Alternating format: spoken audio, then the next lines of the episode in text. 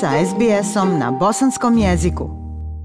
Danas je dan majki, Mother's Day, koji se proslavlja i obilježava u mnogim zemljama širom svijeta, u čast majki, majčinstva, majčenih veza sa djecom, kao i uticaj majke u društvu. Majka, mama, madre, ma, možemo je zvati na različite načine, ali ona će uvijek biti mama. Želeći da damo svoj doprinos u obilježavanju i proslavljanju ovog lijepog praznika, razgovaramo danas sa jednom bosanskom majkom, gošćom našeg današnjeg programa, a ona je gospođa Bahra Harambašić, aktivistica u bosansko-hercegovačkoj zajednici u Sidneju, majka trojice sinova, nena četvero unučadi u očekivanju i petog. Ali prije svega, gospođo Harambašić, želim vam srdačnu dobrodošlicu u program SBS radija na bosanskom jeziku.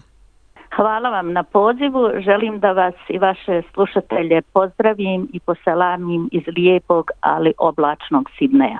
Hvala vam lijepa, gospođo Harambašić. Vi ste veoma aktivni u društvenom životu Bosansko-Hercegovačke zajednice u Sidneju. Rekli ste da ste učestvovali u samom nastanku o i osnivanju Bosanske škole u Novom Južnom Velsu davne 1994. godine. Možete li za naše slušalce reći nešto više o tome? Jeste, mi, ja sam došla sa svojom porodicom i sa grupom izbjeglica iz Bosne i Hercegovine 93. godine u Sidne. Mi smo tad bile onako, ovaj, počeli smo se organizovati, međutim, nedostajalo nam je školstvo, nedostajalo nam je ono što nam je trebalo, što smo imali u Bosni i Hercegovini, tako da smo nastali i ovdje da popunimo tu jednu praznju koja nam je trebala za našu budućnost, za naš e, novi početak u novoj državi. Tako da smo nekako ta 93. je protekla u komunikaciju, snalaženju, u spoznaji Australije, učenju jezika. Međutim, 94. kada su se stvorili uslovi, onda smo dobili našeg profesora iz Njemačke koji je došao ovdje i on je došao kao jedan veliki entuzijasta da se formira bosanska etnička škola. Ovdje, jer je to već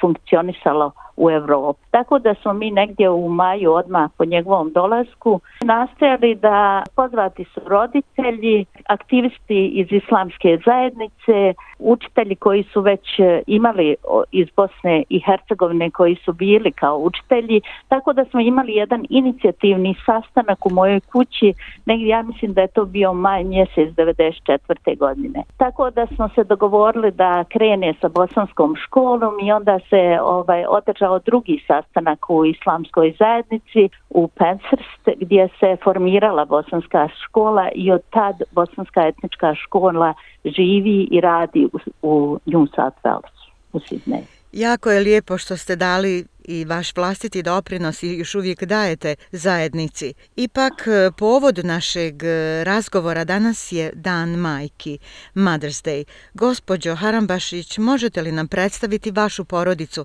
Šta za vas znači majčinstvo i da li je lahko biti majka? Ja sam majka troje djece. Sa dvoje djece sam došla ovdje u Australiju, treće smo ovaj, dobili ovdje, tri sina imam četvoro unočadi i peto je na putu. Biti majka i čuvati porodicu to je jedna e, vrlo lijepa i jedna vrlo odgovorna i velika obaveza za majku.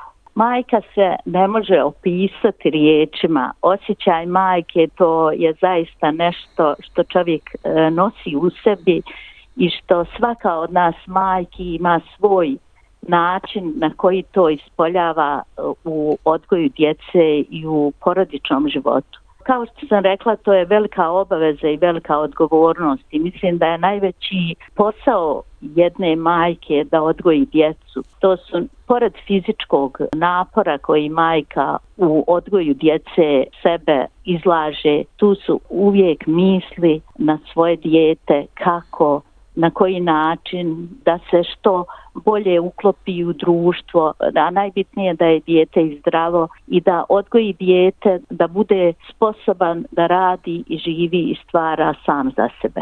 Ne kaže se uzalud da je dženet pod majčinim nogama. Upravo Gospođo, tako. gospođo Harambašić, imate li neki savjet, neki recept kako biti dobra mama? E, u današnjim okolnostima je vrlo, vrlo teško. Međutim, porodicu treba čuvati, treba svaki drugi, sve ono što, što nam nije toliko važno, a najvažnija je porodica. Očuvati porodicu to je nešto što, što je budućnost i zajednice, jer kad imaš zdravu porodicu imaš i zdravo društvo. Treba najviše raditi na odgoju i obrazovanju svoje djece. Obrazovanje, znanje je ključ za, za rješenje svih problema. I mislim da ja mogu reći samo za sebe i o sebi da, da kažem, kada sam došla ovdje, došla sam s te dvoje djece, dobila sam treće djete, uvijek mi je bilo prvo porodza. Imala sam puno radno vrijeme, Međutim, ja sam to sve skratila kad sam osjetila da moja porodica treba mene puno više i onda sam došla u situaciju da radim samo onoliko koliko dok mi je dijete u školi. Tako da sam prilagodila svoj rad sa dječjom školom. Kada su mi unučad krenula u školu, onda sam ponovo prilagodila svoje radno vrijeme sa unučetom koje mi je, unukom koja je krenula u školu. Jer mislim da je za majku najbitnije taj majčinski odgoj djeteta i da je najbitnije da očuva svoju porodicu. U svjetlu obilježavanja Dana majki, šta biste poručili našim slušalcima?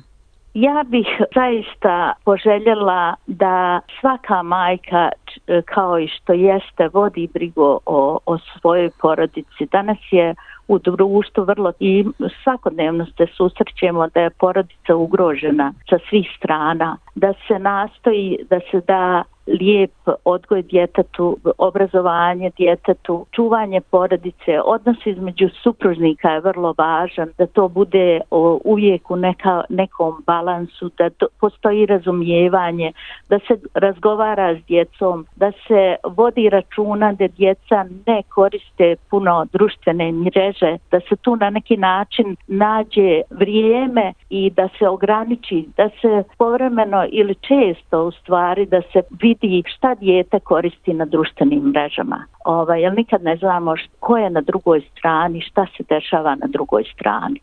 Hvala vam, gospođo Harambašić, na ovom razgovoru što ste podijelili s nama vašu priču o sreći i ljepoti majčinstva. Hvala vam na ovim lijepim savjetima. Vama i vašoj porodici želimo sve najljepše, dobro zdravlje i puno sreće, a vama sretan dan majki. Hvala vam lijepo. Ja bi još e, jednu poruku, ako mogu, za naše majke koje su izgubile svoju djecu u agresiji na Bosnu i Hercegovinu, da im Allah podari sabura u njihovoj boli i da što lakše podnesu svoj teret koji ona nose i koji će nositi do kraja života i da poželim svim majkama sretan i uspješno cijelu godinu, ne samo dan majčin i da fino se provedu u društvu svoji i u porodičnom ambijentu. Hvala vam lijepo.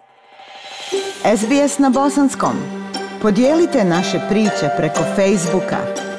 Želite poslušati još ovakvih priča? Slušajte preko Apple podcasta, Google podcasta, Spotify ili kako god da primate svoje podcastove.